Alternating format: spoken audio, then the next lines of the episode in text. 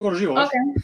Evo, smo živo. Ja. Živijo uh, družba Matej Glivar, um, podcast razgledate kot, kot vsako sredo.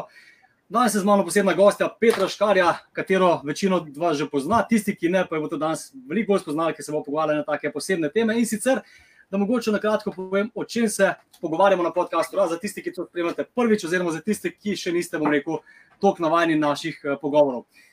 Pogovarjamo se bomo o dveh zadevah. Prva stvar, bom rekel, so cilji, uspeh, kako doseči nek, um, neke cilje, kako doseči rezultate, ki si jih želite, in tako naprej. Kako doseči tiste stvari, ki jih v življenju ponovadi iščemo vsi, skratka, ne, recimo, izpit za avto, kako narediti neko šolo, kako dobiti nek, uh, neko službo, kako doseči neke športne uspehe, kako doseči neke osebna, osebne želje, ki jih imate, in tako naprej. Skratka, kako doseči neke stvari, in to bo neko taka. Mehanska zadeva, ki se jo lahko naučiš, oziroma modeliraš, posnemaš nekoga in dejansko lahko zelo hitro dosežeš take rezultate, oziroma eh, zelo hitro je odvisna zadeva.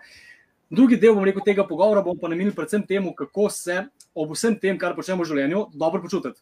To sem zelo poenostavil, ampak to pomeni, da je to umetnost osebnega, osebne izpopolnitve. Skratka, v bistvu za vsakega to nekaj drugega, vsi smo drugačni. Ne? Tudi ta sama narava, bom rekel, je, bom rekel, ima tukaj ni stvari, ne? ki jih v bistvu kaže od barov do recimo živali, do vsakega človeka in tako naprej. Vsi smo različni in tukaj za vsakega nekaj drugega Eh, pomen, bom rekel, nekaj izpopolnitev. In na tem delu bom rekel, bomo tudi malo več rekli, kaj lahko naredite, no, če se danes ne počutite dobro, oziroma kaj lahko naredite, da se boste počutili boljše v prihodnosti, kot ste se počutili v preteklosti, oziroma danes. Zdaj, uh, Petra Škarja, Petra Živo, najprej da te pozdravim, še uradno. Ja. Kako si danes gledaš? Odlično, by the way. Matej, da hiter preidi, ker veš, da sem vedno malo živčna pred začetkom, preden začne ženska govoriti.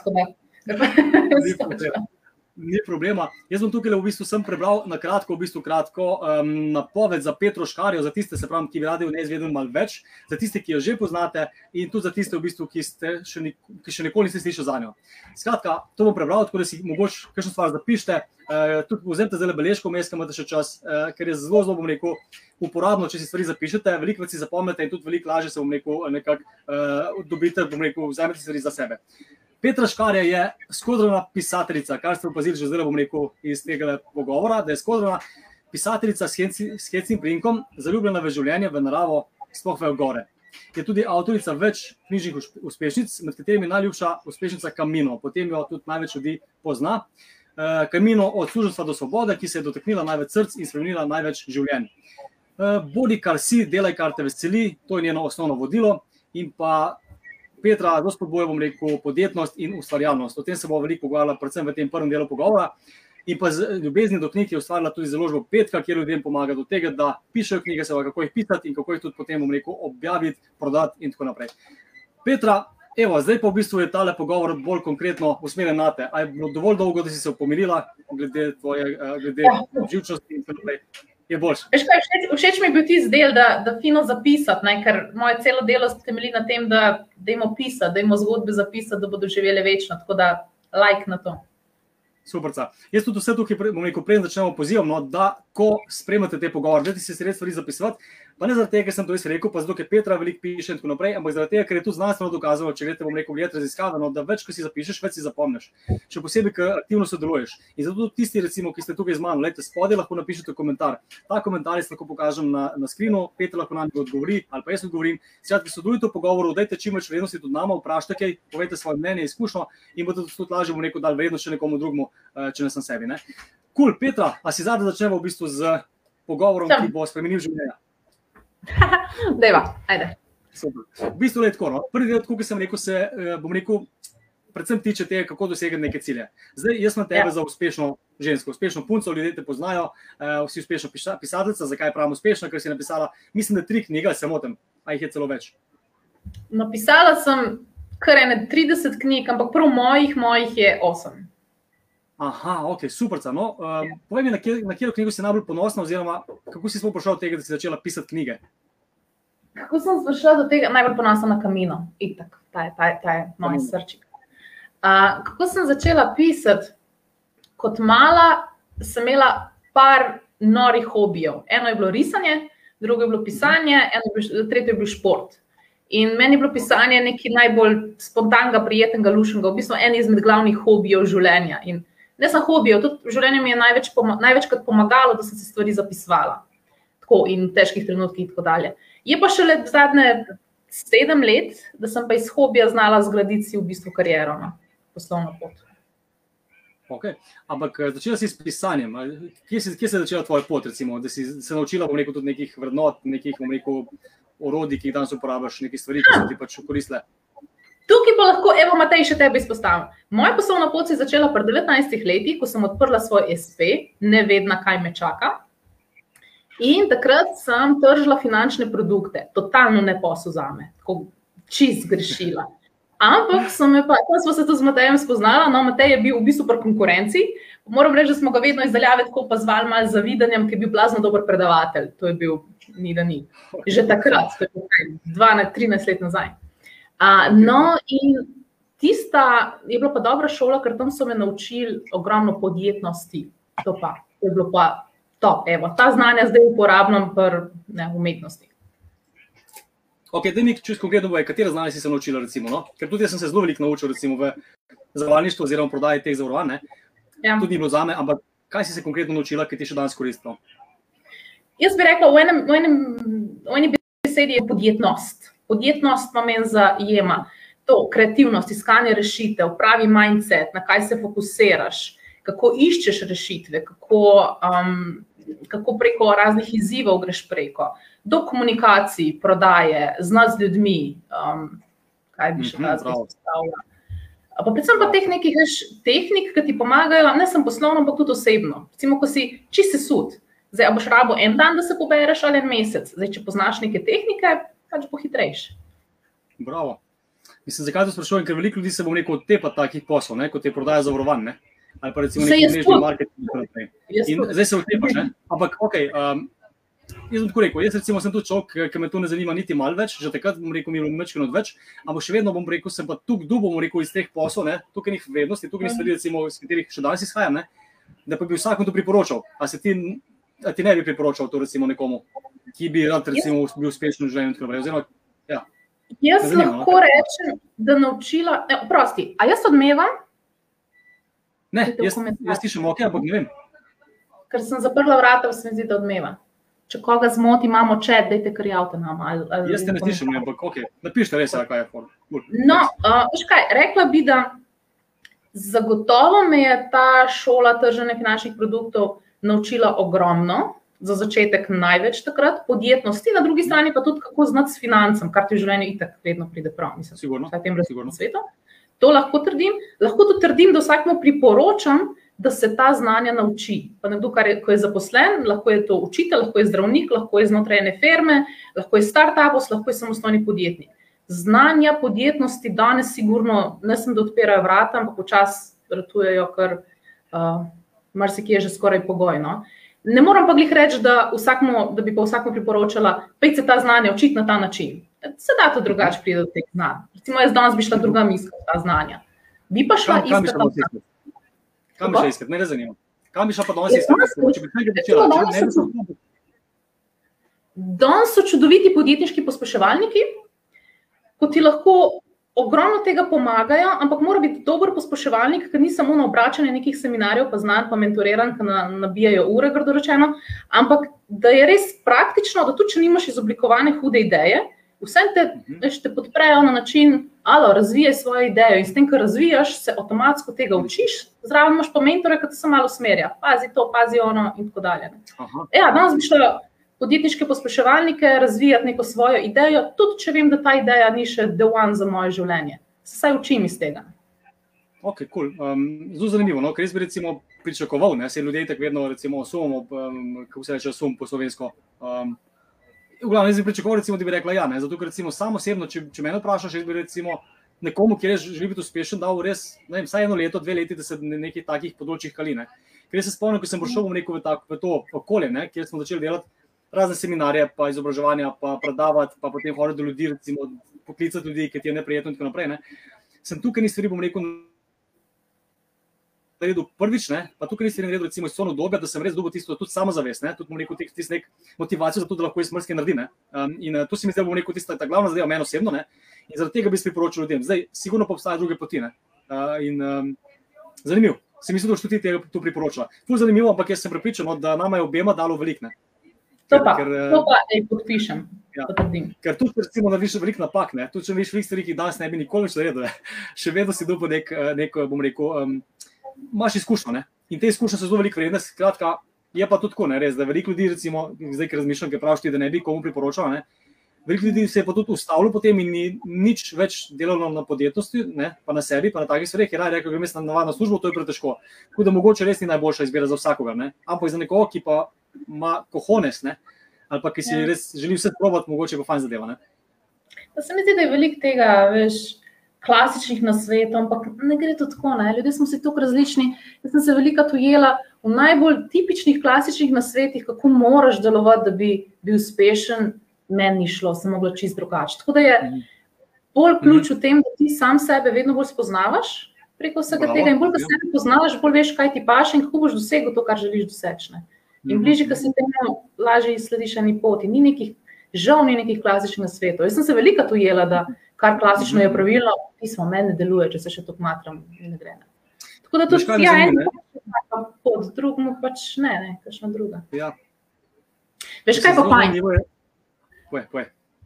Še na svet, tisti, ki, se, ki vas zanima, kakšna to, to razvijati podjetnost, pa to.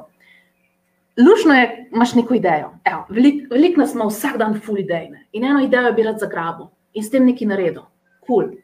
Ampak kako se to narediti, v sanjah vse lušno. Pa, pa pride tisti hard work, je pa treba to speljati. Recimo, jaz sem imela tako noro za srce idejo narediti založbo. Ampak da ti narediš eno založbo, da se testiraš, če bi nek inovativen poslovni model deloval, moraš zaposliti človeka, moraš najeti prostor, pismo ogromno enih stroškov. Se pravi, lahko veliko riskiraš. Če ste čisto na začetku, dajte eno idejo sprobati, ampak sprobajte v enem varnem okolju, kjer, iskreno rečeno, ne zgubljaš svojega denarja, no? kako bi to rekla. Mm, eno podjetniški pospeševalniki so že to, kar ti to lahko omogočajo. Mi dva, recimo, Matej, na začetku smo dejansko padli v en sistem, ki ti je omogočil vse to, da nismo na začetku nobenih fiksnih stroškov, da si razvijal svojo poslovnost, svojo podjetno plat. Ja. In obstajajo načini v Sloveniji tega velik in celo zelo podprto trenutno, da razvi svojo idejo, ampak pazi, da nimaš fiksnih stroškov na začetku. Da je upet v nek kalup, v en sistem, ki te podpre s tem, da Vem, tudi če ti ne rata, nisi zaradi tega bankrotiral, no? nisi zato na kreditih.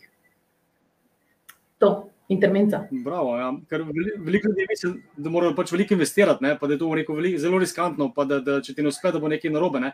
In dejansko je pa res veliko opcij, ne? kjer dejansko platiš brez denarja ali pa za zelo malo denarja, ne? z minimalno. Ne? Jaz tudi veliko recimo rečem, da moraš sploh na začetku stvari simplificirati. Po slovensko je to, bom rekel, poenostaviti.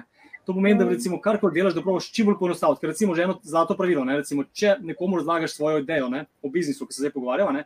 in če ne znaš na enostaven način povedati, kaj delaš, ne? pa komu rešuješ težavo, potem verjetno ne, ne veš dobro, kaj počneš. Ne? To sem nekaj slišal, ampak jaz se s tem strinjam. In treba res poenostaviti, da veš, kako razložiti stvari in tudi poenostaviti, da sam način dela. Ne? Ker ti lahko zelo zakompliciraš, kako boš počel neke stvari, ne? ali pa zelo poenostaviš. In mm. jaz mislim, da sem tukaj močan, to je recimo moja močna plat. No, kako poenostaviti, recimo tudi ta podcast, če povem, ne, če, če bi en, en recimo razložil, kako sem se tega lotil, kako naredim in tako naprej, um, tudi kako dobimo gledati, kaj naredim. Skratka, res poenostaviti zadeve, da ti čim manj časa vzame, pa da čim več narediš. Oziroma, vse to je dejansko skoraj cilj podjetništva tudi. No. Uh, tako da, um, ja, si hodila nekaj drugega, vidim. Kako? Kar povej. Eno pravilo imam. Uh, Marsikdo se zelo oklepa na ideje, imam full hudo idejo. Meni so ideje zelo tako poceni. Dnevno imamo, Matej, ti si tudi tak tip človeka, taka osebnost, da imaš verjetno dnevno tisoč idej, kaj vse bi počel. Vse so tako revolucionarne, nove, dobre, nore, dobre. In je velika umetnost iz tega dobro izbrati, kje si pravi človek za to, pravi čas za to, in da imaš resurse, pa znanje, da rečeš, da je ta ideja v toj smislu investira čas denar. Ker vsako je pa treba nekaj časa investirati, da vidiš, ali to deluje ali ne. ne?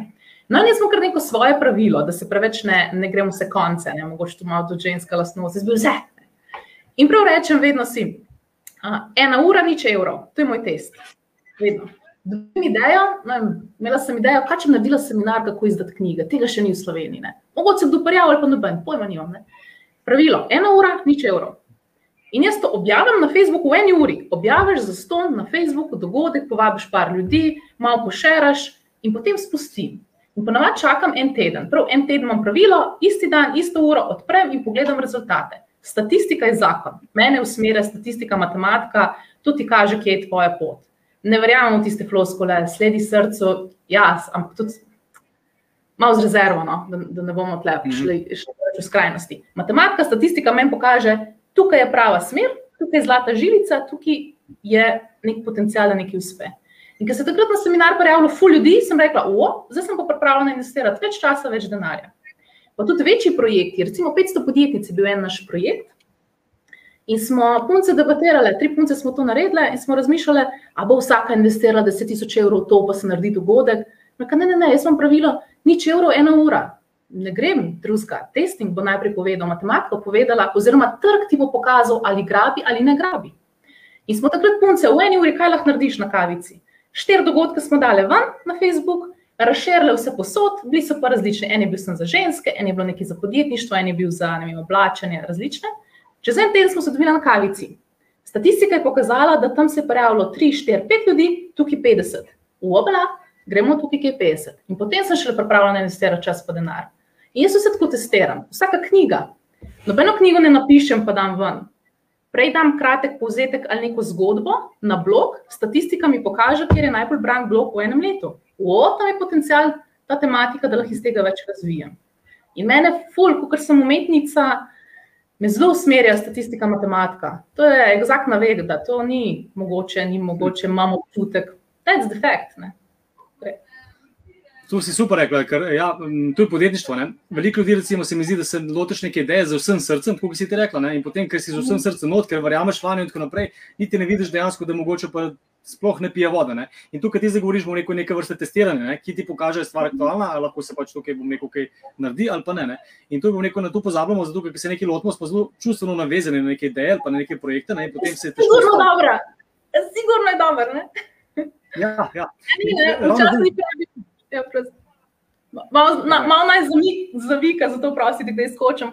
Ampak rav, ravno v tem je keč, ne lahko je še tako, wow, včasih ni pravi čas, včasih ni pravi prostor, včasih še nekaj manjka, včasih pa jaz malo verjamem te čudne energije, gor dol, včasih pa pač ni še dano. Tako da, ja. stera in pol vidiš, kam te vodi samo življenje, samo pot in lahko se odpira. In to velja tako za majhne kot velike podjetnike. Ne? Jaz recimo ravno zdaj berem knjigo od eh, Sane pa iz, eh, Samota pa Izelogin, ki sta naredila Outfit 7 in vi razlagate, v bistvu, ko so začeli, kako so bili. So naredili 5, 6, 7 recimo, aplikacij, ki so nekaj prodali, ampak je bilo zelo malo. In, in veš, ki so enkrat ugotovili, da nekaj ne štima, da nekaj ne lava, so postavili tako zdaj. Ne? Kljub temu, recimo, so bili zaposleni pač ogorčeni, so hoteli, ne, da delamo na tem srcem, ki so verjamemo v to, le nismo šli na 3 četrt pa rekel, ne, samo, ne, tega, ne, lej, če, ne, če ne dela, ne dela, moraš ostati takoj. Ne. Skratka, res, ne tu čustveno navezanost, ampak tu, kar ti trg pokaže. Ne. In potem tukaj s tem mm, nekako korigira stvari. Ne. Zdaj, imamo še komentar tukaj, recimo od gospe Milke. In sicer. Ja. A lahko imate še nekaj dopolnim, da ne bom narobe razumljena. Uh, ob predpostavki, meni je ta stvar, da po srcu čutiš, da je tvoja strast. Ja, Tvoj, to je pa itak osnova. To, to ni, da rečeš, trg je kazal, da pa, se pa splača mi finančne, mislim, se splača zarovane prodajati. Itak se verjetno bolj splača, kot knjige pisati. Ampak osnova je, da imaš passion, da imaš to strast, da je to wow. Potem iz, iz tega, kaj izhajaš, ne pa sem gledaš, kaj še trg od tega grabi. Milko si omenil. Se strinjam, to je osnova. Ja. Ampak spet, tu če si, če si kako? Uf. Res naj malo zamika, eno no, komentar. Okay. Tako, tako. Evo, tukaj je gospod Milka napisala, mislim, da moraš svojo idejo povedati samo tistim, od katerega realno pričakuješ, da boš dobil podporo. Kaj misliš o tem, Petra? Hm. Jaz sem malo drugačen, um, ta koncept. Spet, po mojem, ključno, da poznaš sebe. Jaz pri sebi vem, da imam pr, v začetku ideje, je en prostor, ko nisem še stabilna. In v tem nestabilnem prostoru, času, me lahko vsak premakne in to ni dobro. Še lahko jaz se čutim stabilno, da rečem, hej, točno vem, to pa to, pa to, zato in zato in zato. In ko sem stabilna, grem šele prvič povedati idejo. Res pa je, da ja, Milka se strinjam, pazem pa, komu povem idejo, ne bom gledal tam, tam na, za šankom nekomu, ki itak se neč ne splača, pa se brezvedela. Pač veš, komu poveš idejo, ampak moraš biti pa najprej sam stabilen. No? Ker če bi jaz poslušala um, mnenja, napisati eno knjigo ali ne, ima sto mnen, vsak me drugače obrno. In v uni fazi, ki še jaz točno ne vem, pa sem nestabilna, sploh ne govorim.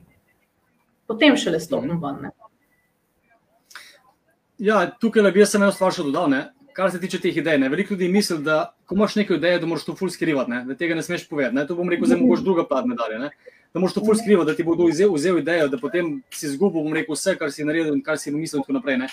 In uh, ne še enkrat povem, kot bi si ti prej rekla, ideje niso tako pomembne, kot se nam zdijo. Ne. Ideje so, bom rekel, nekaj v zraku, ker nobena ideja, ne, tudi največja ideja, recimo, tudi, da greš v vesolje, ne, ker recimo Elon Musk, ne, um, že od otroštva sanjal in tako naprej. Ne, tu sem ideja, to lahko jaz vam idejo, lahko vam boljšo idejo, kot on. Važno je, kaj nekdo naredi. Ne. In ponovadi recimo, je zelo težko neko, neko idejo ukrasti, razen če ni res, oziroma tudi se vse dogaja, ampak je zelo enostavno v neko. Ne ukrasti ideje, zato ker ti nimaš prave energije. Ne veš točno, kaj to pomeni. Ker ena ideja, ki nekaj poveš, pomeni nekaj čist drugega, meni ali pa tep. Ne? In po drugi strani, recimo, tudi ko nekomu poveš, če si recimo tu odprt, da poveš idejo ali pa za mnenje vprašaš nekoga, recimo, ki je uspešen na nekem področju, pa ga spoštuješ, pa čeprav veš, da boš dobil mogoče negativen odgovor, ne? je včasih fajn, da dobiš ta negativen odgovor, da mogoče vidiš to idejo z drugega vidika. Ne? Ker samo en vidik, tvoj vidik, ponovadi nič spravi. Tako da vedno so dve plati medalje, moš malo po, po, po, po, po občutku narediti. In ja, na začetku je verjetno fajn, da prvo sam zgradiš neko preko bazo, ne? pa da tudi sam verjameš z nekim testiranjem, z nekim rekel, raziskovanjem, z rekel, tudi nekimi primeri iz, mogoč, iz življenja, ne? pa še le potem poveš, ne? tako kot ti praviš, Petra. Tako da uh, so vedno dve plati. Ne? Si pa zelo podprem, zelo, zelo podprem, kar se družim s temi, kakšnimi start-upovci, pa tudi avtori knjig. Čas mi je kar smešno, točno tako praviš, imam fulhudo idejo za knjigo. Ampak ti smeš nobeno povedati, no kdo vzel kam on, noben ti ne bo vzel, prišel boš čas, ko boš prosil, da govorimo o tvoji ideji. Ne? Ja, pa ne boš zgubil podpore. Meni, recimo, podjetništvo je izjemen ozornik uh, Jurek Nes, Devisoft, način, kako deluje posel, res mi je ozornik. In on pravi, da je ideja en procent uspeha, en procent je vredna ideja. Potem je pa ne prototip, dokončanje izdelek, prodaja, marketing in tako naprej so ključne zadeve. Uh, jaz bi sicer mislila več procentov, da bi zdala tako ne 5 procentov, ampak ne, on pravi, evo, izkušen podjetnik, 1 procent je vredna ideja. Ker veliko ljudi, pa teh startupov, potem sem prišel z idejo, vi zdaj iz tega nekaj naredite. Jaz sem vse naredil in si zaslužim pol zaslužka, imam idejo. Totalno se strinjam, da sem povedal glede tega, Matej. Ja, ja. So vedno dve plati, ampak definitivno se ljudje veliko bojijo teh, teh idej. Ampak ključna stvar ni ideja, ključna stvar je, kaj narediš s tem potem. Ne pa tvoja energija, pa tvoja vola, pa ustrajnost. Ne? To vsi vemo, v bistvu vemo. Ko beremo knjige, ne? ko si pa na začetku, pa v bistvu ne veš, ne? pa se misliš, da imaš idejo, pa si zmagal. Da boš najboljšo idejo, boš milijonar. Ne. Lahko imaš ful slabo idejo, pa imaš ful dobro, bom rekel, self-talk in veš, kaj bi rad in tako naprej. Boš najdel, bom rekel, tudi ciljno publiko, ki je mogoče ni ne? in obratno. Tudi, veš, kaj mi pove, Petra, kaj se ti zdi pa najbolj, bom rekel, uporabna vrlina, ki, si, ki si jo dobila? Ajaj, imaš še nekaj zapovedati. Povej, oprosti. Meč, ko imamo delejo, ne sem bojen tisti, ki gledate, jaz sem danes, bom rekel, na dopustu še vedno, uh, sem celo na neki jadrnici, imam res malo slabšo povezavo. Si mislil, da bo boljš, ker na testu je kazalo boljš, danes pa imamo malo težave. Tako da, evo, To je tudi, bom rekel, um, pokazatelj, da lahko kljub temu, da imaš težave, nekaj narediš. In še vedno bo tukaj veliko vrednosti, spet so tukaj vas in uh, Petra pove. Hotela sem še dodati pri idejah. Ne? Če smo čisto iskreni, jaz pišem knjige, to ni nobena neka inovativna ideja, nobena revolucionarna. Nič napredenega. Si, um, pač, se slišva? Ja, fajn mava delay, Matej. A se slišva, Petra? Ja. Čau, a se slišimo? Ja, Matej, jaz slišim, ja. zdaj ne vem pa drugi, ali slišijo, ne, malo zamikom je. No, hotel sem reči, da jaz ja, pišem knjige, ja. to je najbolj starinska zadeva. Poskuša zdaj, najbolj... mogoče te boš.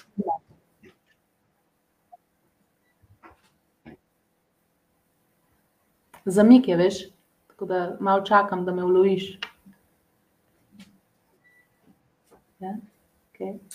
Ja. Ne, ne, ti, ti kar pet, bom jaz tiho, veš ti kar govori. Okay. No, pri ideji. Uh, še enkrat povem, da jaz res nimam inovativnih idej. Jaz pišem knjige, kar je najbolj starinska, najbolj staromodna zadeva, kar je možno. Ne? Tudi ni nič revolucionarnega, nobena aplikacija, nič napredenega. Tako da ni nujno imeti nekih revolucionarnih, hudih idej. Lahko je, če sem neki srčnega, iskrenega, stvar, ki je že stokrat prežvečena, pa še vedno iz tega lahko čist lepo ustvarjaš. No. Tako bi si rekla, ne, eh, da ja, ni ideja, ta glavna, ta glavna rekel, je motivacija, želja, da delaš tisto, kar počneš rad, pa z veseljem. Um, me pa zanima, Petra, um, kaj misliš, da je tvoja najboljša vrlina, no, ki si se jo naučila, pa ki jo uporabljaš mogoče na dnevni bazi, da dosegaš rezultate? Hmm, težko je eno izpostaviti, ampak trudim se. Hm. Jaz imam v življenju ene par pravil, ki vsako jutro imam zapisane na steni in jih sem pogledam kot moja vodila. Tako kot si Matej v začetku rekel, bilo obdobje, ki mogoče se kdo prepozna, ki greš na vse seminarje, vse knjige prebereš, vse posodci, pismo po tujini, po Sloveniji, vso možno znanje tega sveta naberaš pri zdravilcih, gurujih, podjetnikih, vse posod. Pa sem prišla do ene točke, ki sem bila taka glava, sem rekla, dost imam tega, preveč imam tega, preveč informacij, lahko celo škod, zmedete. Sem rekel, zdaj poskrajam, za nekaj naredim. Ne? In iz vsega te množice sem si dala tako par vodil življenjskih, ki so meni axiomi, kako živeti. To, to, to, to je dejstva, ki se ne spremenjajo. Tako je, kot da bi rekla, trava je zelena, fertik. In to je to. Uh, in, ampak to je tako poenostavljeno. Einstein bi rekel, če ne znaš razložiti petletnemu otroku, še sam ne razumeš. Tako ti življenje smatram kot le, par stvari, če slediš, pa boš zmagal. In da se temu probam vsak dan približati, se mi zdi, da je to ključno, da ne sem za doseganje rezultatov, ampak tako, da živiš, da skušaš življenje. A te zanima, kaj te super. A, a, ja, a poveš mogoče, kaj, kaj so te tvoje točke, recimo, ki jih vsak dan prebereš, pa ki jih imaš na steni? Ja? Berem ti zaure, da te zanima. Veš kaj, ena je. A lahko en video pogledava? Lahko. Okay. Evo, spet sem pripravil v bistvu za vas, za vas en video, no, ki ga bomo zdaj skupaj pogledali. Ja, čakaj, čakaj, Matej. Ja? Mal počakaj, Matej uvoda naredim? Čakam. A, zdaj, to je en test. Pravijo, da moraš biti v življenju po poslu pa sploh zelo fokusiran. In zdaj obstaja nek klišej, da so moški bolj fokusirani, ker ste lovci, tep. Ona je ena in edina in to je to, ne in gre za njo. Ženske smo pa taki nabiralke na vseh koncih.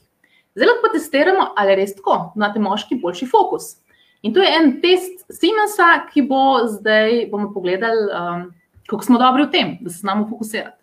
Tukaj sta dve ekipi, bela, črna. Med sabo se bodo podajali žoge, ampak to je tako, da bo eno čez drugo letelo. Zdaj mi se osredotočimo, koliko podaj naredi bela ekipa, pa da vidimo, kdo bo čim bliže pravemu rezultatu. Evo, pa poglejmo, da imate. Stop.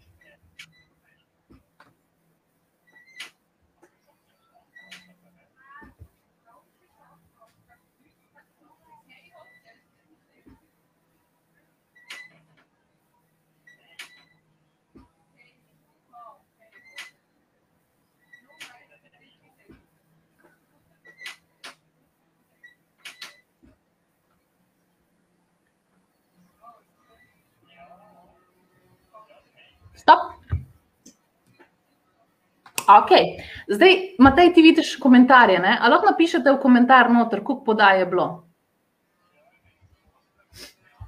No, me prav zanima, kaj bo napisano. Jaz sem sicer vmes gledal na, na uro, da bom ta pravi cajt ustavil, pa ne bi rabo. Ampak jaz sem jih nastavil, mislim, da okoli 16-17, prijetno nisem čez prav zadev. Dej, poglejmo, a kdo komentira? Ja, tukaj imamo gospa Maja Martinšek pravi 16. Okay da vidimo, počakaj, še imaš ostale. Ja? Me zanima, če do moški kaj komentirali. Da okay. vidimo, moški, ženske, kdo zdaj. Evo, Suzana pravi tudi 16.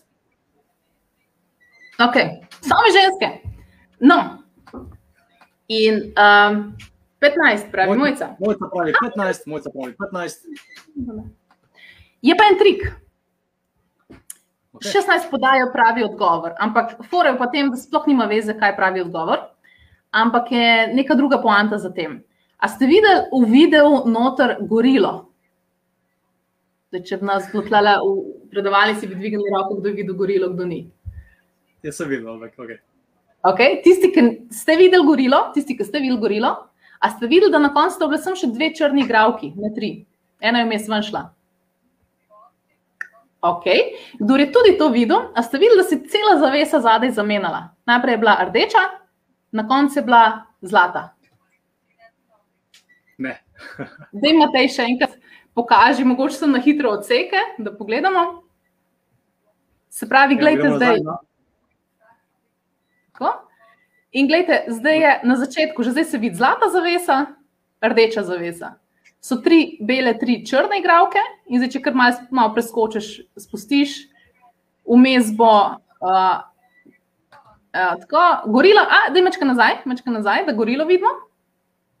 Še malo. Še malo. Celo, evo, še zaplesala je sred zaslona. In ena črna igralka je zdaj šla ven, še, vidite, zdaj so dve črne igralke, pa tri bele. Zavesa je pa iz rdeče šla v zlato. Kako je možno, da tukaj očitnega ne vidimo? Cel, cel zaslon se je spremenil iz rdeče v zlato, pa ljudje tega ne opazimo. Zdaj, nič ni narobe z nami, če kaj ne opazimo, ampak je neka huda poanta. Meni je izjemno uh, všečen ta znanstvenik Simons, uh, Simons, kako je, ki raziskuje delovanje naših možganov. In bolj, ko človek pozna sebe, od fizičnega telesa do duhovnega, kakorkoli, lažje ti s tem upravljaš, da dosežeš, kar hočeš v življenju. In jaz imam blazno rada psihologijo, pa tole, delovanje možganov, čustev, hormonov po telesu in tako naprej. No, in ta Simons je fenomenalen pri uh, razlagi, enostavni razlagi, kako delujejo možgani. Eno stvar je, da so naši možgani selektivni in to je eksperiment, ki to dokazuje. Možgani so fizično tako zgrajeni, da ti ne moreš zaznavati vsega, kar se nam dogaja, oziroma ne ozavestiš vsega. To je to, kar ljudje rečemo, točno vem, kaj se je zgodilo, ma pojma nimaš. Vprašanje je samo, na kaj si se fokusiral. A si videl 16 no. podaj, pa si zgrešil zaveso, pa gorilo, pa igralko. Tisti, če vas pa ne bi jaz usmerila v podaje, bi pa vsi videli zaveso, gorilo, pa vas na koncu vprašala, koliko je podaj, pojma ne bi imeli. Fizično je nemogoče, da mi vse zaznavamo. Tako, da, tako deluje naši možgani, prek tega ne moramo iti. Je pa en trik tukaj noter. Kar pa lahko sami usmerjamo, je pa to, kam damo fokus. Jaz sem vas načrtno usmerila, štejte število podaj. In ste zvedeli, videli vseh 16 podaj, eno gor dol, vse sem. Ampak načeloma skoraj vse podaje ste videli, pa ste zgrešili ostale stvari. Če bi jaz rekla, gledajte zaveso, bi čisto vsi videli zaveso, ne pa noben vedel, koliko je podaj. In to je ena od ključnih veščin, po mojem, ki mi pomaga v življenju, privat in poslovno, prav to, da imam stalno v mislih takle eksperiment in to selektivnost možganov in da vem, da imam moč v tem, da lahko samo se fokusiram, kaj hočem zaznavati. In od tukaj ti sklišeje, kar iščeš, to najdeš. Fizično dokazljivo, to ni neka duhovna ploskola. In če grem jaz danes, ko smo začeli tale live streamati, ne, Matej, lahko da se je najdu kdo, sigurno nobeden, ampak lahko da se je najdu kdo, ki je rekel, zdaj pa jaz tu gledal, da vidim, kako je ta škarjetova, ki mi gre tok na živce s tistimi kodri, pa dolensko govorica, sigurno bo kaj narobe povedala. In daš fokus na to, kaj bo narobe povedala in garantiram, da šlo najdu nekaj, kaj je narobe povedala. Zraven imaš pa kolegico, ki na drugi strani gleda, ki je šla pa s fokusom me prav zanima, kaj dobrega bom odnesel od tega pogovora. Sigurno bo nekaj dobrega za me, da si lahko pomagam. In garantiram, da boš nekaj najdel, ker daš fokus na to. Na 16 podaj daš fokus. Ne? Na koncu pa oba gledata, oba porabita uro časa, en bo najdel kaj narobe, drug bo najdel kaj dobro. Isti pogovor, isti človek, vse isto. In ta moč, ne, da sami fokusiramo, kaj hočemo najti, kaj hočemo videti, to se mi zdi ena ključnih veščin, da jih ne treniramo. Moramo pa nujno trenirati, ker naravno to ne bo prišlo naravno smo mi z možgani natrenirani, da iščemo nevarnosti. Zato tu prej zaznamo slabe novice, tu prej se nam zdi, da se nekdo bolj prenaša, tu prej nevarnosti, kaj je slabo, kako nam je grozno. To je naravno, ker narava hoče, da preživimo in moramo prej zaznati nevarnost, kot pa metuljček, pa lep sončni zahod. Ne. No, in to je recimo stvar, ki se vsako jutro, da se zdaj pač vrnem, imam napisano, da je fokus v pozitivno. Pazi, kam usmeriš energijo. In imam prav opomnike na različnih mestih, telefon, denarnica, hladilnik, what is good, mi piše. Sem da dam fokus, kaj je dobrega, kaj so rešitve. Samo fokus usmerjam in najdem teh 16 podaj. Pa ni vrak 16, bom, mogoče jih bom 15 najdla, ampak mi mi grejo pa slabe stvari. Včasih mi prijatelji rečejo, kako niste tega opazila. Nimam fokusa na to, njim ti gre. In obratno. No, to je ena ključnih veščin, ki se prav vsako jutro opozorim in redno treniram. Ali pa primer, preden grem spat, mi je navada, da zvečer pomislim, kaj so tri top stvari dneva. Sem, da gre fokus možganov v pozitivu. In to treniraš dan za dnem. In najdeš, pa ti rečejo, imaš srečo, kar najdeš priložnosti, kar najdeš kaj dobrega. Ja, fokusiraš se na teh 16 podaj, zato to, to najdeš. Na to. to je ena stvar, taka ne, dogma, resnica življenja. Kar se fokusiraš, to boš našel. Uh, druga je ravnovesje. Jaz, jaz srčno verjamem, da je prava sreča, prava pot, eh, pravo zadovoljstvo v ravnovesju vsega. Pa to ni samo, da in delaš in počivaš, eh, glih prav ješ, preveč hrane te ubije, premalo hrane te ubije, preveč prijateljev, rata površinsko, premalo prijateljev, rata depresivno, vse posod je ravnovesje. Ampak ravnovesje pa tudi v takih stvarih. Danes je moderna pozitivnost pretirana. Ampak pretirana pozitivnost je trik. Padel boš dol, ali te bo življenje prosilo, ali pa nekaj skrivaš. Narava je v ravnovesju in se trudim stalno to nekaj balansirati. No? In verjamem, da je vedno ključ v tem. To so take banalne stvari. Jaz sem v osnovi umetnica, ne, če pišem knjige. Ampak najboljše knjige so ponavadi kombinacija ravnovesja obojega, umetniškega dela, prepuščaš neko kreativno svobodo, hkrati pa tudi zelo matematično, tehnično, strateško zasnovano. Poglejte najboljše filme, pa knjige. Zelo jasna struktura, matematika, študije, res postavljeno. Čist, en bi rekel, čisti fizik, matematik, strateg je to naredil. Hkrati pa umetniški del. In ko najdeš ravnovesje tega, narediš the best knjige isto poslovno, ne, proboš oboje, pač posod iščem to ravnovesje. Mm, kaj imam še take? Te dve, mislim, te dve sta taki moji uh, ključni, da se stalno opozarjam in na tem nekako stojim in se trudim. Ta in jang. Vse sem še kaj spomnil, zelo moram prav razmisliti, kaj mi tako na steni piše. Če se še kaj spomnim, povem na tej. Aha.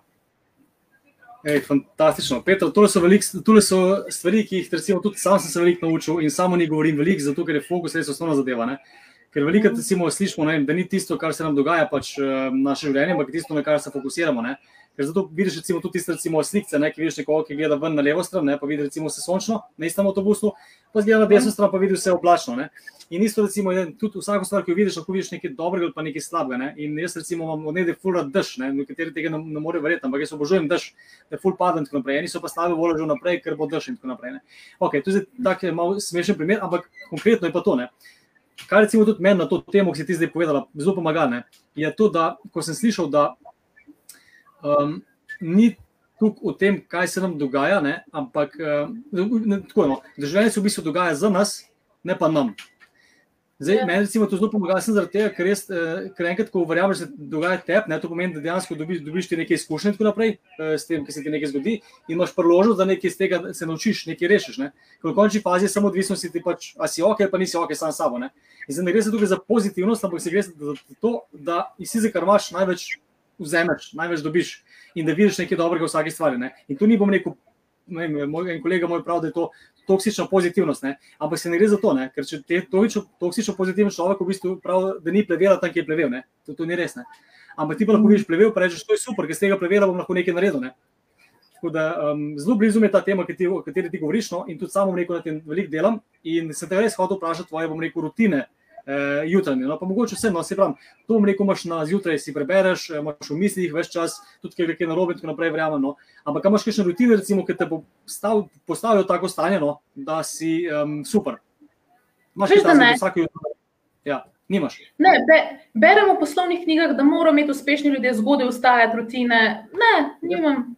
Recimo, zdaj imamo obdobje deset dni, ki mi prav, si dam izziv, mi pa še vsako jutro imam tak en lušten krogec, pretečem en krogec, 4 km, vsako jutro, zajtrk, kavica. Ampak to je zdaj, pa bo prišlo na obdobje, ko bom zjutraj skočila in začela pisati takoj. Uh, ne, imam pa edino, obožujem dolge sprehode. In meni so dolgi sprehodi, so mi najmočnejša meditacija. Zagovarjam meditacijo, ne zagovarjam pa, da obstaja enotno za vse. Za me je meditacija dolgi sprehodi, imamo tudi tako 3, 4, 5 ur sprehodov brez telefona. To mi ful pomaga no, za življenje. Pa še ena stvar je pisanje. Kliše pravi pisanje terapije, ampak meni je res terapija. Ampak da to malo razložim. Moje misli švigajo vse posod. Jaz ne vem za druge, ampak je to ženska lasnost ali tudi ne vem, manjki, manj, da kar rečejo. Pa pa začneš kar nekaj sekirati za eno stvar, pa domnevati, In kot bi rekla, ena najstnica si gre, gre s fantom in pa gre sta narazan in pa se sekera tri dni. Zakaj sem mu to rekla, kaj si mislil, pa najbrž je to, pa zakaj sem mi najavil in premlevaš neke grozne zgodbe in se slabo počutiš. No, meni se to stalno dogaja. In to staro nekaj šviga. In da jaz to umirim, jaz sem en način. En način sem do zdaj najdla. Ok, dolgi sprehodi, da to vžuru in pol malo zmanjka, vse skupaj, v šestih urah. Drugo pa je, da začnem pisati. In jaz s pisanjem si v bistvu fokusiram misli. To meni pomaga pisanje, to je meni terapija. Ni terapija, da zlijem iz sebe, kot nekateri razlagajo. Meni je terapija sfokusirati misli tam, kjer želim. In jaz si včasih kar, jaz si kar zamislim zgodbico, dobro, da sem pisateljica. Evo. Jaz si kar zamislim eno zgodbico, evo, če bi bila ta najstnica, bi si zmislila, ne, fant veliko meni razmišlja, imamo in narodno, komu veliko pomeni, jaz bi kar pisala to zgodbico, kar zmišljujem si zgodbico. In ko to dvakrat, trikrat zapišeš, pa ponoviš, začneš to verjeti. In ko to pišeš, pišite nekaj, popazujte občutke.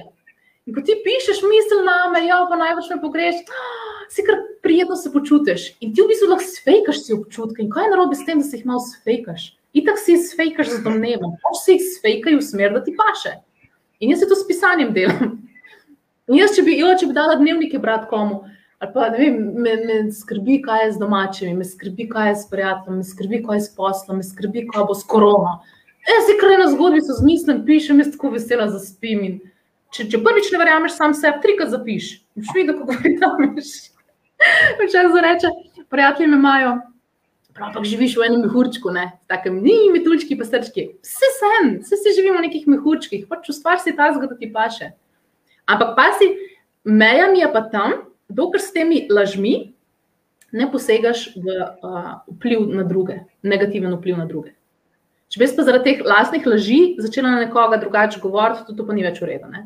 Pač lastna laž, sama sebe prepričam v neke zgodbice, sem tukaj, da se boljš počutim. In če mi to pomaga in nobenemu ne škodi, zakaj ne? Evo, to je meni pisanje terapija. In to za, mislim, drugi ne vem, kako to dosegajo. Jaz s pisanjem se zelo osredotočam na to. In se veš, kaj pa, to pa jasno, ne, kar misliš, to čutiš in kako se počutiš, to privlačeš, se ti pa hiska, da se vrti. Mm.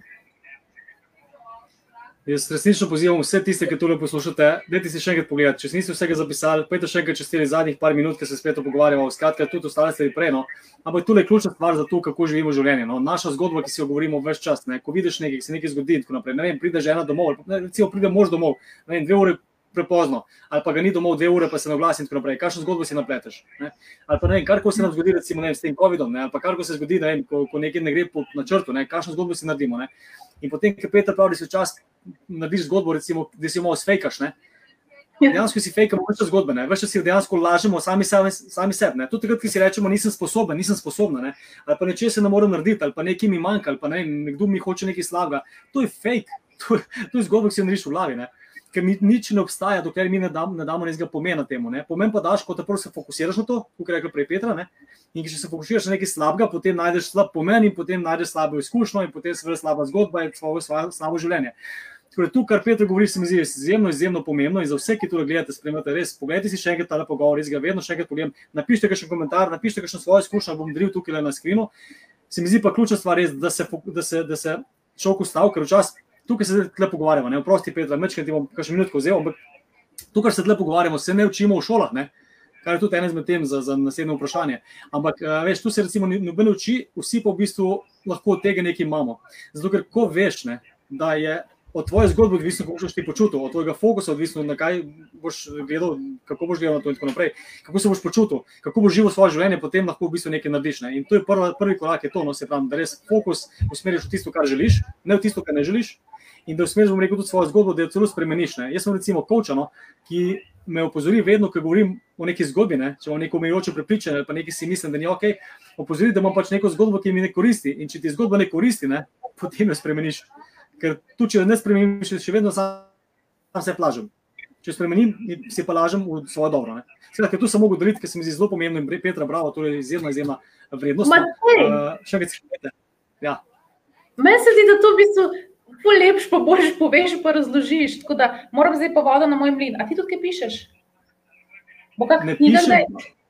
Ne pišem, je pa res, da kar si zdaj rekla, vedno si pa tudi napišem novo zgodbo.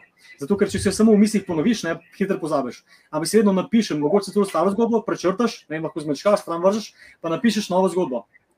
In uh, mislim, mi gre, ti si povedala odlično, jaz sem povedal na svoj način, definitivno pa te zelo čutim, izkušnje si govorila, sem prav čutil, wow, super in res upam, da bo čim bolj ljudem pomagalo, ker ljudje imamo v bistvu več potreb v življenju. Ena od potreb je contribution, se pravi, nekaj daš nekomu. Jaz sem tukaj vesel, ne, ker nekoga slišim, ker živi to, kar ti recimo zdaj počneš, pa govoriš, ne, veš, in ker da to nekomu, ker zakaj, zakaj sem tukaj v neko strastnem glede tega, zato ker vem, kako je, ker si v K, ker nisi ok, ker recimo, ker nisi v dobrem stanju, imaš tukaj slabe odločitve, sprejemaš, ne, da, da imaš slabo življenje in ti in ljudje okoli tebe, ne, in zaradi tega je tu pomembno, da pač delamo na sebi, ne.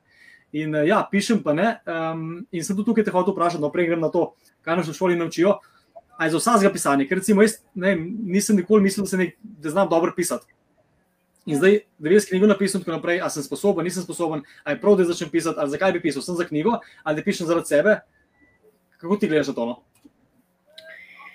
Slovenci smo na prvem mestu po številu napisanih knjig na prebivalca. V Sloveniji res velja, da vsak, ki je napisal knjigo, jo pa zelo malo, zelo pa malo kupujemo, pa beremo. Tako da poslovna jaz bi mogla verjetno reči, da ja, vsi pišete knjige, top, to je to, ne, več to je moj posel. Ampak iskreno pa ne, tako kot ni vsak za zdravnika, ni vsak za učitelja, lepo prosim, ni kar vsak za knjigo napisati. So tudi neka pravila, so tudi nek, pa tudi malo talenta moraš imeti, pa tudi malo se natrenirati, pa tudi prebrati ne par sto, sto knjig. Mi dobivamo na založbo take knjige, da jaz sem križem, resno, vam ne bi narodno povedal, da ni to za vsega. No. Tako kot jaz ne bom šla, ne vem, glasbe napisati, ker če začnem pet, boste vsi tole ugasnili. Pač nisem za to, pa vse ne rabim biti vsi za vse. Ne. Najdeš svojo šporo. Veš, kaj pa drugače zdaj eno, uh, trenutno, na čem dajem veliko fokusa, kam je trenutna taka šola, se mi zdi tudi pomembna. Diplomacija. Ampak diplomacijo mi enačimo z nekaj negativnega. Mogoče bi bolj rekla, veš, da znaš z ljudmi, kako bi to opisala da znaš lepo komunicirati, da znaš veš, človeku povedati neko kritiko na način, da ne bo on ubit, da ga ne bo prizadelo, da ne bo sesud, da se ne bo zaprl. Uh, da znaš vem, svoje ideje predstaviti ne na način, da vse rušiš okoli sebe, ampak na nežen način, na lepo, na, na tako, da se človek počuti prijetno. Um, te, te stvari sem zdaj, zadnje čase, tako iz dneva v dan, fulj pozorna, da bi se čim bolj v tem zrezerla, ker se mi zdi pa pomembno, da kot skupnost si pač prijeten ljudem, hkrati pa še vedno ustvarjaš, nisi pasiven. Ne, pa še vedno pa pazim, to pa moram reči, da se še kar zelo temno. Ful pazim, da negativnih stvari ne govorim na okolju po kavicah, ne prijateljcem, ne mami. Ne. Le, če, če nekaj slabega, negativnega z nekom predebatiraš, mogoče poveš svoje mnenje, ne povem pa osebe, ne, ne, ne govorim, veš kaj bom takrat rekel, veš kaj pa narobe naredil. Ker eno napako narediš, pa ti stokrat to napako izpostavljajo, da narediš pa deset stvari dobrih, so pa tiho. Ne? In se res trudim, da slabih stvari ne širim, da nekih um, negativnih lastnosti človeka ne širim. Izpostavim dobro, ali sem pa pač tiho. Ne? Ali pa izpostavim, kaj mi je pomembno, ki je mogoče drugače od njega. Tu se pa ful trudim, moram reči, da me še kdaj unese, ne? se včasih lušno malo pošimfati, pa se zato boš počutiš, ampak ni to ok, se, se res se zelo vrača. Mislim, se dvakrat vrača. Ja. In dobro je zelo. Jaz mislim, da je to rekel, tako zelo škodljiva zadeva. Ne, ne, ne samo zato, ker pač škodiš nekomu drugemu, s tem, ker nekaj slabo govoriš, ne? ampak škodiš tudi sebi. Če recimo se enkrat, bom rekel, začneš govoriti slabo od drugih, ne? že iz navade, ne? Potem dejansko, mislim, vedno, ko nekoga kritiziraš, kritiziraš, si tudi zelo kritičen do sebe. Ne? In taki ljudje, bom rekel, niso prav srečni, zadovoljni. Uh, in uh, ok, lahko tudi počneš, ampak ja, najlažje bom rekel, tudi kaj isto mislim, da se to dogaja, ne? zato ker se ljudje najlažje poistovetimo z nekom, ne? mislim, najlažje, ne za vse, ampak veliko ljudi se najlažje dobi nek connection ne? s človekom, s tem, da nekaj pojambra. In potem še drug nekaj pojambra in potem oba jamrata in en bolj kot drug in potem se kar enkrat v bistvu ta boš kolega, ker pač oba sta najbolj boga, pa, naj, pa drugi so vse krivi, pa eh, ona dva stoke. In recimo zaradi tega sem se že pred leti, ne vem, pa neč slabo ne mislim, ampak nisem, začel, nisem hodil več na, na pijačke, na kavice in tako naprej, ne? ker ponovadi se tam recimo taki stvari pogovarjajo. In tako je Petr rekel, res, če imaš spet fokus na dobrih stvareh, večina teh stvari niti ne veš, ki niti te ne zanimajo, niti jih ne vidiš. Ne, naprej, ne. In potem imaš res tudi nekaj takih ljudi okoli sebe, ponovadi, ki sprejemajo rekel, bolj pozitivne novice, ali pa nekaj, o nekih ciljih govorijo, pa nekaj stvari, ki hočejo narediti, ali pa nekih velikih zadevah. Ne. In se tudi bolj počuti, ne, počutiš. Ne. In me zanima, Petr, kako je bom rekel pri tebi, glede teh ljudi, recimo okoli tebe. Ne. Zdaj, veš, ne, če imaš recimo samo take ljudi okoli sebe, ki skušajo kritizirajo sklepam, da ne, mogoče tudi ne, kako koga ne. Ampak, um, kako se ti zdi pomembno, bom rekel, da imaš okoli sebe ljudi, ki so ti, ti pašejo, oziroma ki ti koristijo za naprej, malo grdo se slišiš. Ampak... Ja. Ekstremno pomembno, ekstremno pomembno, ker tu jaz sebe čutim, če sem dlje časa z nekom, pa dlje časa z nekom, kako nezavedno, ker ne, to v ja. smer vleče, ful vpliva to na te. Ampak en trik, veliko ljudi začne v tej smeri jaz bom zamenjal prijatelje, zato ker meni to škodi in jaz želim drugače. Ne, sam se spremeni in se veliko ljudi ne, temu spremeni, če ne pa odpadejo, ampak pač sam postani tako, kar želiš in pa se to postavi. Jo, da povem pa eno zgodbo mojega prijatelja, pismo me je dobro naučil. Nekaj sem ustopala, pač še vedno ženska rade malo pojamramo, pojokcamo, pa dekca, čajček, palačinke, Rafaelo, pa je to, to pa je v redu. Ne? In jaz sem se že kar navadila, sploh pri moških, da povem, zdaj je moment, ko bi rada malo postokala, pojokala, ne išči rešitev, vse ok, ampak moram večkrat pojokati, a lahko. Na koncu pa sem rekla, kje bi rabila tvoja pomoč. Tako da ne skoči takoj za rešitvam. Ne. To deluje, v meni to deluje. No, in jaz njemu enkrat pojambram, recimo o zadevi X, da je vse en, določena zadeva je bila. In on me posluša, je vedel, ženska ima problema, bo pojamrala, bo kul. Cool. Naprej gremo normalno večerjo, pojesti, vse ok. Čez, čez par dni mu pojamram o zadevi X, spet. On posluša, pa mi reče, a želiš kaj še na svet? Jaz, ja, prosim, ne vem, kako to rešiti, ne, resen, to se bilo objoka na ferti. In mi on pove, da je probi tako, pa tako, pa tako narediti. Čez par dni s njim spet jambram o zadevi X, to je bilo tretjič. In me on vpraša, a si kaj naredila v tej smeri, ki sem ti predlagal. Me kaže, ne, ker in začnem jamrati naprej. Okay? Četrtič mu začnem jamrati, me je takoj na začetku stavil. Rekl je, ni problem poslušati, da ti jamraš, z veseljem ti pomagam, z veseljem te poslušam, ti ne, palačinke naredim vse. Ampak če pa četrtič mi v isti stvari, pa iz tega ne več poslušal, ker škodim tebi in sebi. In me čisto stavil in rekel: Ne, če si pa kaj spremenila, pa kaj upoštevala, kar sem ti predlagal, ja, pa se bo pogovarjala naprej. In takrat sem tako jezna na njega, da ti ne znam povedati, kaj že prijatelj si. ej, je bila ena boljših lekcij, tudi jaz to uporabljam, pa razložim zakaj prvič te poslušam, drugič te bom vprašala, če ti pomagam, kaj ne. Tretjič, če nisi nič naredil, oprosti, ne, ne govorim več o isti stvari. Ne. Nima smisla. In ta je ena hudih lekcij, to je bilo par let nazaj, mu še danes rečem, kapa dol, dobro sem naučil. Pa to sem na takrat jezna na te. Dobro je bilo.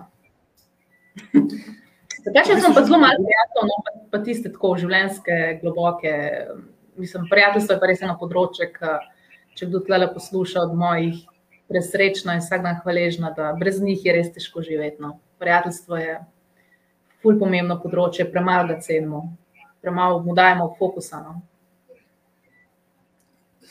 Povej mi, če se, če se motim. Ampak eh, kako naj, recimo, zdaj spremem, mislim, razmišljam, kako ljudje, ki to gledajo, ne, zdaj razmišljajo, ne, pa si misli, recimo, mogoče kdo, ne, ok, imam neke prijatelje, delam na sebi in tako naprej, zdaj močem jih kar zamenjati, kot se je ta prej rekel, ker to ni način, ne, se moram sam sebe spremeniti, ampak v bistvu, kako zdaj naj, bom rekel, boljše ljudi v svojem življenju, ali pa take, da boš res dobre konekšnje in tako naprej, ne, in vedno, če to bom rekel partnerska zveza, to je zdaj spet iz moje izkušnje oziroma pač moje mnenje, ne, ali je to partnerska zveza, ali so to prijatelji, bom rekel, je vedno osnova, bom rekel, si ti, ne, ti moraš biti v bistvu, ti moraš postati oseba, ne, ki bo privlačila take ljudi v svoje življenje, ki si jih želiš, ne. Ker če ti bom rekel, kar iščeš, pa tudi če nismo rekel na nekem takem nivoju, ne, kjer si želiš biti, pa potem greš do ljudi, ki so na tem nivoju, ne, pa ki so vem, srečni, zadovoljni, ki imajo vse, kar si želijo, ki so ful uspešni, ne vem, ne, podjetniki, karkoli.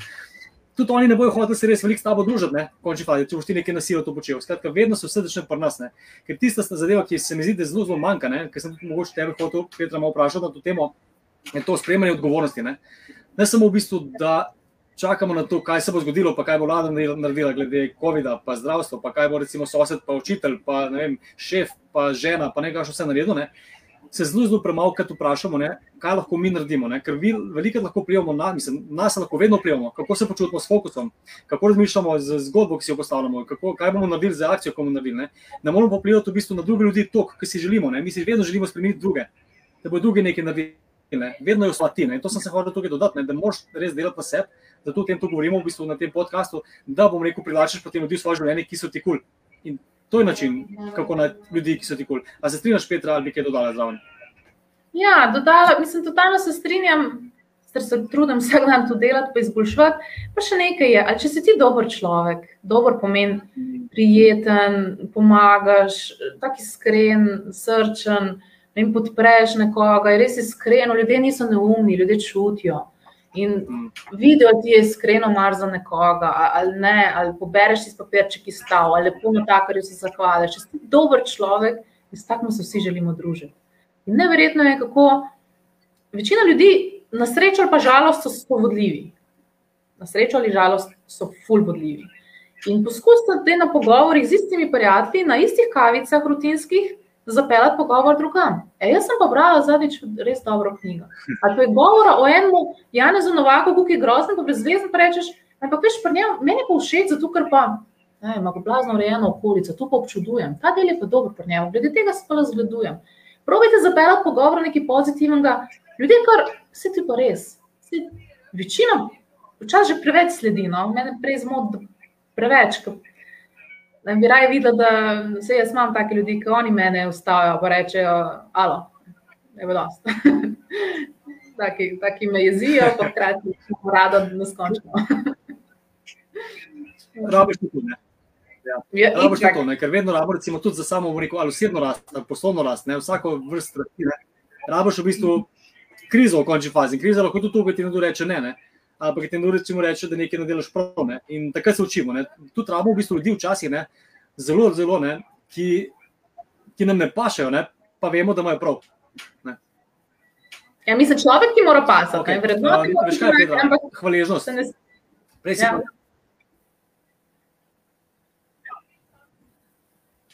Spet se zamikava, veš, ampak. Okay. Res mečemo dele, ampak je vsebina tako dobra, da se splača gledati. Skratka, hvaležnost. Ja, evo. E, zakaj si najbolj hvaležna v življenju? Kaj bi rekla? Pa veš, nekako se mi zdi, da sem. Ne, če se... mi slišala, pravim, zakaj si najbolj hvaležna. Ja. Nekako se mi zdi, da sem se naučila, se učim, no, ampak mi gre, se mi zdi, v dobri smeri, da znam kot jadra čez življenje, ne znam dobro opisati. Lahko eno prispodobo dam, kako se jaz predstavljam. Me slišiš? Prosim. Okay. Um, jaz sem tako umetniški, nekaj zelo, zelo v slikah razmišljam, zelo tako si predstavljam slike.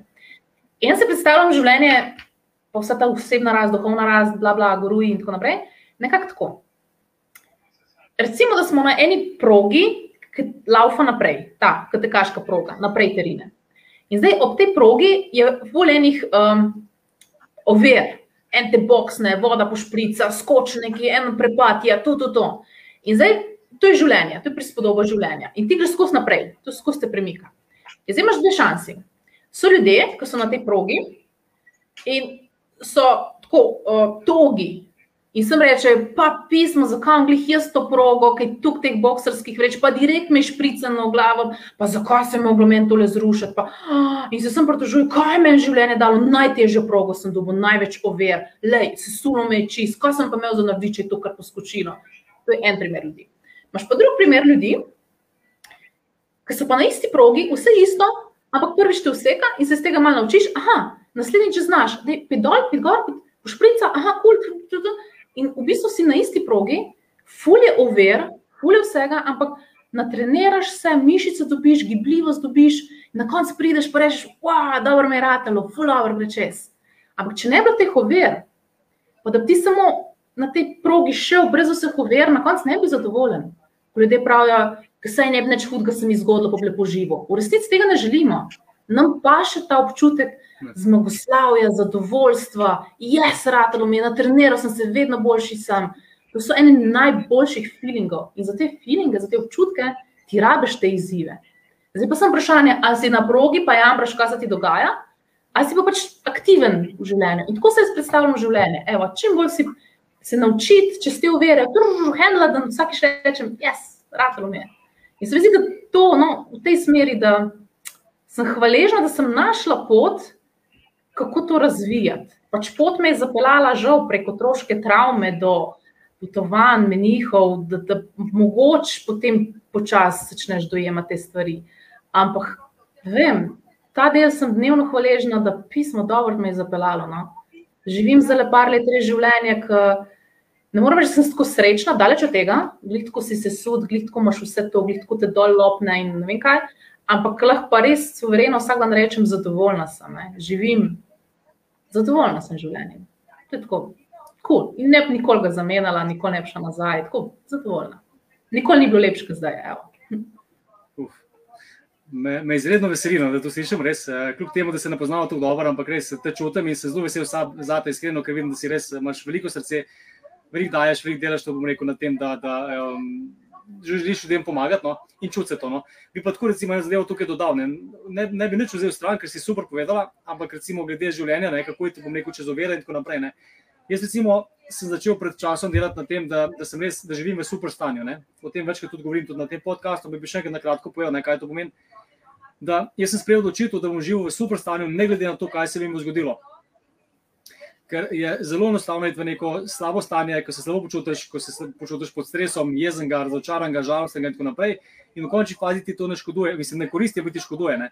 In kaj to pomeni biti v super stanju? To ne pomeni, da sem zdaj toksično pozitiven, kot pravi moj kolega, ampak da dejansko v vsaki situaciji vem, da ne glede na to, kaj se bo zgodilo, bom super. Zdaj, kaj to pomeni? To pomeni, da jaz, ko sem v super stanju, super stanje pomeni, ne vem, ko si bom rekel. Ko se počutiš močnega, ko se počutiš srečnega, veselega, zadovoljnega, ko se počutiš samo odločenega, ko se počutiš um, ne vem, da boš premikal gore, jez, celo jezel včasih v super stanje, zato ker pač ti pomaga, da narediš nekaj, kar rabiš narediti. Ne? In ko bom rekel, se odločiš, da živiš v takem stanju, ne glede na vse, sprejmaš drugačne odločitve in uh, vidiš stvari boljše kot so. In imaš posledično boljše rezultate zaradi vsega tega, kar se danes že pogovarja s Petrom. Tako da mogoče čez ta kratek napotek, res pogledaj si več, več o super stanju, o tem se reče beautiful state oziroma um, peak state. Eh, od Tony Robinsa, kot sem ti omenil, znaš Petra, no, to sem se od njega naučil in je res zadeva, ki meni osebno zelo, zelo koristi na dnevni bazi. Celo danes, ogromno stvari se je naredilo, kjer sem ostal, ok, ne glede na to, kaj se mi je zgodilo, pa bi lahko pred časom me vrlo stila. Tako da, um, Mislim, da ti bolj služiš. Ne, pa, ne, vem, ne vem, zakaj praviš, da zdaj bolj zložim, ker meni me se zdi, da ti boš zložiš.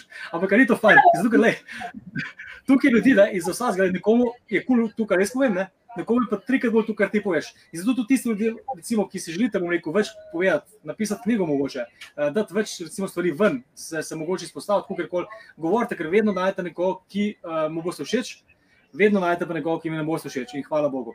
Ne, o tem se naučiš, ti ti dajo moč, energijo, motivacijo, tako da uh, super. Um, kaj, Peter, dela sem še to umedno. Aha, reci, reci. To, ki si opisoval, ta, ta občutek, da imaš moč, odločnost in tako naprej. Jaz pa to čutim kot ta občutek, da ne glede na to, kaj se ti dogaja, kaj se zgodi, moramo korona, že tretjič korona omedva, ne pač korona, karkoli. Ampak vse pa imaš tako občutek, kot um, mam, mam, jaz imam moč kreirati, no to, to mogoče. Nisem va, kaj se mi dogaja, ampak jaz imam moč kreirati, jaz imam vajeti v rokah, kaj se dogaja. Karkoli se zgodi, vem, da imam to vajeti, da se premikam. Ne? Pa še nekaj, omenil si pomaga drugim. Ha, to je v bistvu zelo egoistično. Pa vam zdaj spet malo dokažem, zakaj je fajn pomagati drugim, pa deliti med druge. Če smo največji egoisti, sploh ne dobri ljudje, se splača pomagati, pa dajati drugim. Ker znanstveniki so dokazali, da ko ti nekaj nekomu daš, pomagaš, ali pa ko sprejmeš nekaj dobrega, ti nekdo pomaga, se bomo počutili dobro. Recimo, zadnjič sem parkirala na parkingu, tu ne bi smela povedati, ampak mi je ena ženska dala listek, pa rekla, še pol ure velane, lahko koriste. Tako, oh, hvala.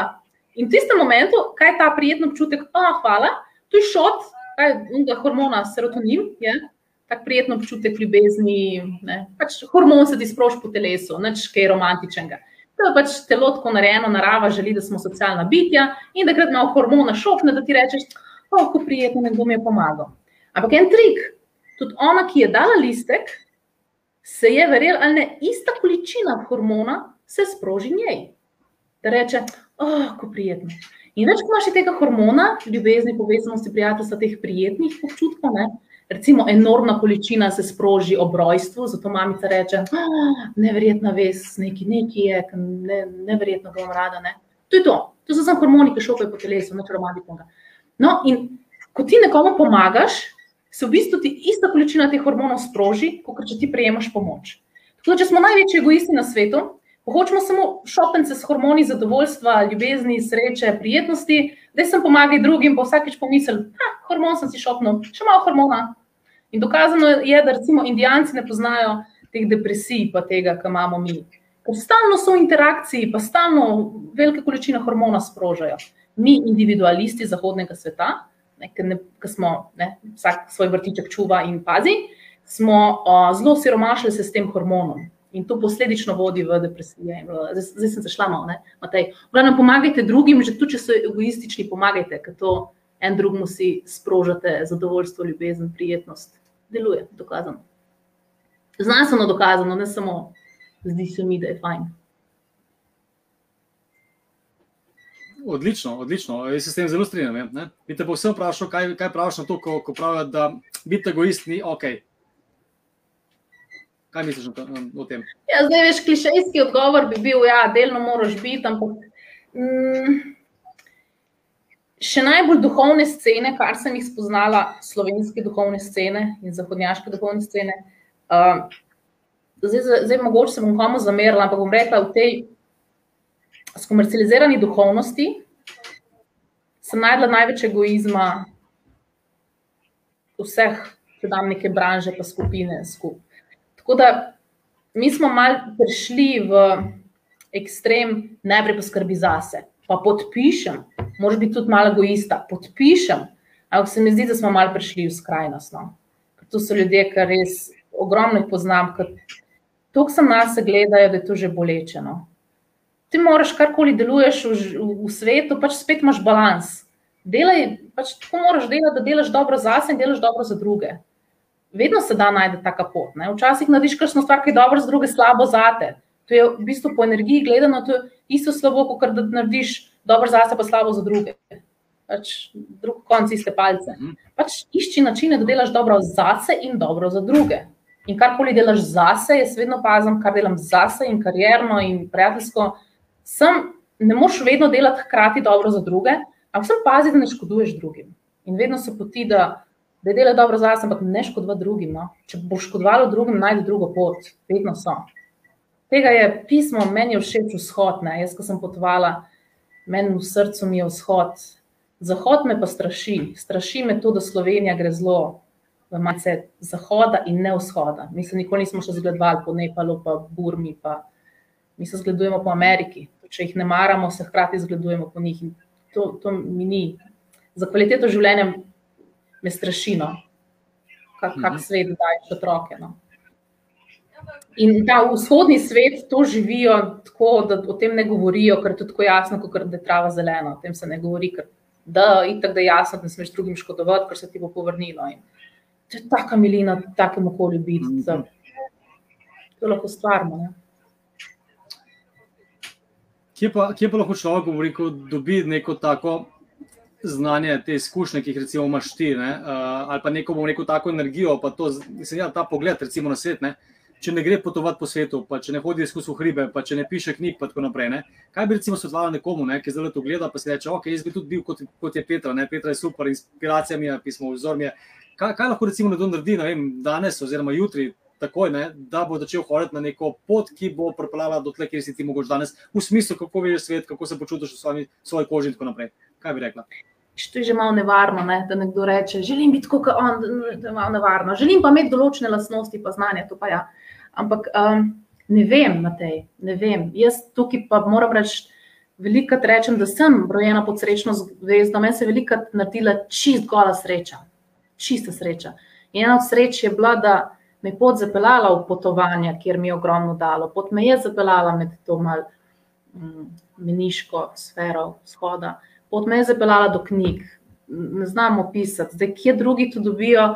Eni verjetno dosti s knjigami, meni je to naravno. Jaz poznam nekaj ljudi tako po vseh, ker toliko duhovnih ljudi, ki oni ne poznam. Odkje so se oni učili, pojma nimam, živijo tisti, na tisti kmetiji cel življenje, pa sem rečeš, kapo dol, ne rabijo seminarjev, da živijo bogato, duhovno, pomagajo top. Ne. Tako da ne vem, verjetno, kako je ljudi tukaj poti. Ne vem, mogoče imate, ja, meni so dali ogromno potovanja, knjige, itak. Pa lastna, meni je ogromno dala lastna travma. No. To pa eno grozno otroško travmo sem imela, v kateri pišem v knjigi Kamino. In to je v bistvu bil moj tisti trigger, ki te bolečina žene naprej, da se razviješ. In to je bila meni tako grozna bolečina, da mi je to gnalo naprej, da ni druge poti, raj umrem, kot da se ne spremenim. In na koncu, ko je grozna, je hkrati res, ki še izkoriščeno blagoslov, ker me je rinilo v iskanje nečesa, v spremenjanje sebe, v razumevanje telesa in vsega. Da sem si znala pomagati v tisti grozni bolečini, kot naj raje umrl, ne. nekaj sem mogla najti. Tako da meni je to pomagalo. Matej, mogoče ti poveš, kje si ti vse to nabral, pa veš različne poti, se ljudje po različnih ja. bodo prepoznali. Sej, je to tudi poanta, ne, da ni, ni ene stvari. Ne? Ker tukaj, ko govorimo rekel, o tej umetnosti, ne? osebne spopolnitve, ima vsak, bom rekel, svojo pot. Ne? In zdaj tudi, recimo, če bi te posnemal, verjetno ne bi bil na istem nivoju ali pa ne bi bil isto srečen, bi bil drugačen srečen. Mogoče meni ne pomenijo tukaj stvari, tiste, ki te pomenijo in obratno. Ne? Te, recimo, to, kar bi jaz počel, kar jaz počnem. Ti ne bi mogoče to pomenili. Ne. Zato bom rekel, je ključna stvar sledeča, ne, da vedno lahko najdeš neko urodje. Recimo, urodje so tukaj, smo se prej pogovarjali, skratka, kje imaš fokus. Ne kakšno zgodbo si govoriš, pišeš, um, kaj počneš, uh, s kom se družiš, ne, katere knjige bereš in tako naprej. To so neko, neko urode, ki so v neko pokazatelj ne, nekega načina, ki te usmeri v nek boljš, boljše življenje. Zdaj, kaj te bo pa izpopolnilo, kaj ti bo pa naredilo, bomo rekel, res tisto neko. Piko na ina je pa odvisno.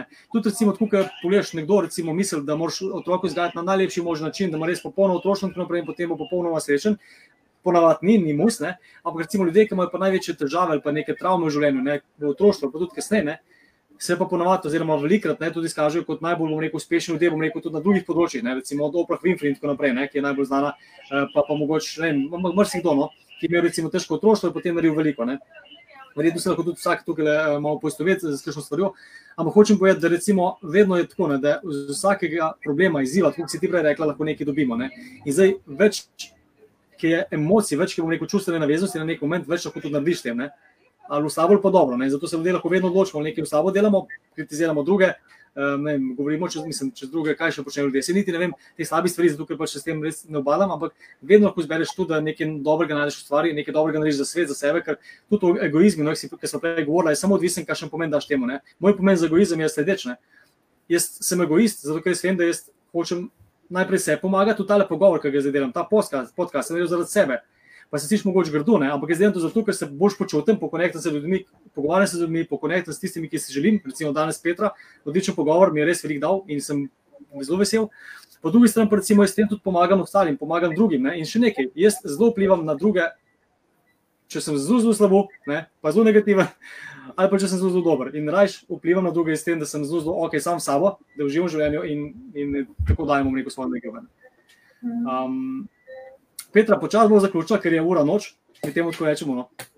Ampak, prej zaključimo, no, bi te prosil, da mogoče, kljub temu, da je to mogoče malo klišejsko, kako ti temu praviš, ne, ne da daš na svet, ampak da poveš mogoče ljudem neko, ali mogoče celo kakšno metaforo, kakšno zgodbico, izkušnjo, mogoče celo kakšno na svet, mogoče celo kaj um, priporočilo, ali pa vprašaš, bom rekel, neko stvar, ali pa daš nek napotek, karkoli, da bom rekel po današnjem dnevu, no, da lahko rečem, ok, imam nekaj, da vem, kaj narediti, da bom boljši, ali da se bom bolj počutil, ali da bom bolj več stvari dosegel. Lahko mogoče celo povabiš ljudi na svojo vem, delavnico, da, da, da kupijo tvojo knjigo, karkoli.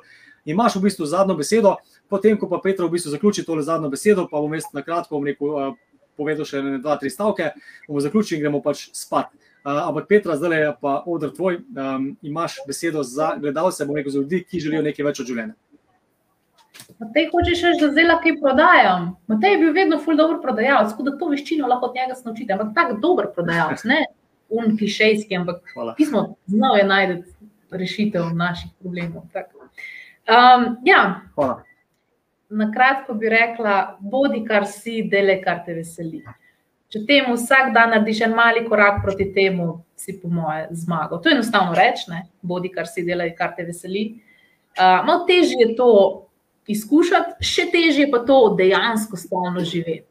Se mi zdi, da pa če vsak dan nekaj malega narediš, pa govorimo res o malenkostih, pa se zmaga. Ne rabimo nekih ekstremnih, ogromnih sprememb čez noč, pa nekaj malega narediti, ampak konstantno. Pa. Življenje te nagradi, vedno kaj lepega pride iz tega ven. Tisti pa, jaz vidim, da veliko na seminarje, vsaj k meni, na tej zate, ne vem kako pri tebi. K meni veliko hodijo na seminarje ljudje, ki so v kakšnih stiskah ali imajo kakšne težave in brskajo, iščejo, ne, želijo neko upanje in tako naprej. Če ste med temi, meni pomaga, da ko imam kakšno težjo življenjsko izkušnjo, jo poskušam osmisliti, kaj mislim s tem.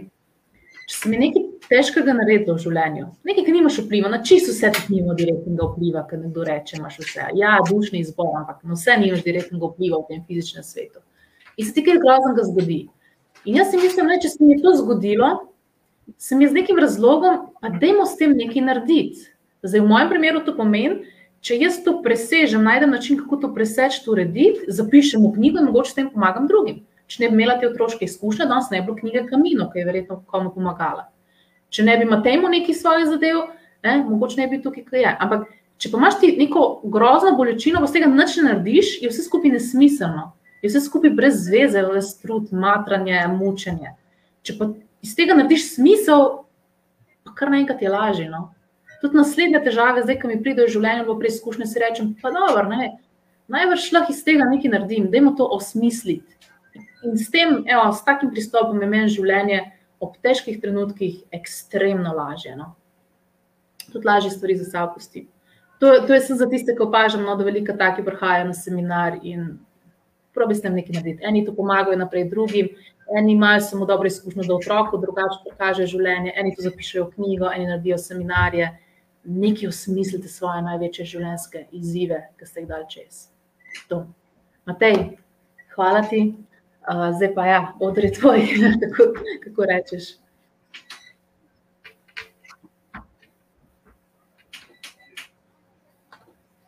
Ja, Petra, izjemna, izjemna hvala, res. Uh, Meni si veliko dala. No? Ja, jaz veliko tudi recimo, merim, bom rekel, te podcaste, potem, ko recimo tudi jaz dobim, mislim, merim. Zato, ker vsako stvar, če jo ne meriš, ne moreš vedeti, kje si. In res sem se veliko naučil od tebe, veliko sem dobil dobre energije, pozitivnosti in tudi upam, da se bom rekel, uživo vidva. Prej, kot v desetih letih, ne vem, koliko časa se že nismo. No. Ampak ja, sem res vesel, da si se odvala po obilu, imela sem super pogovor. Ja.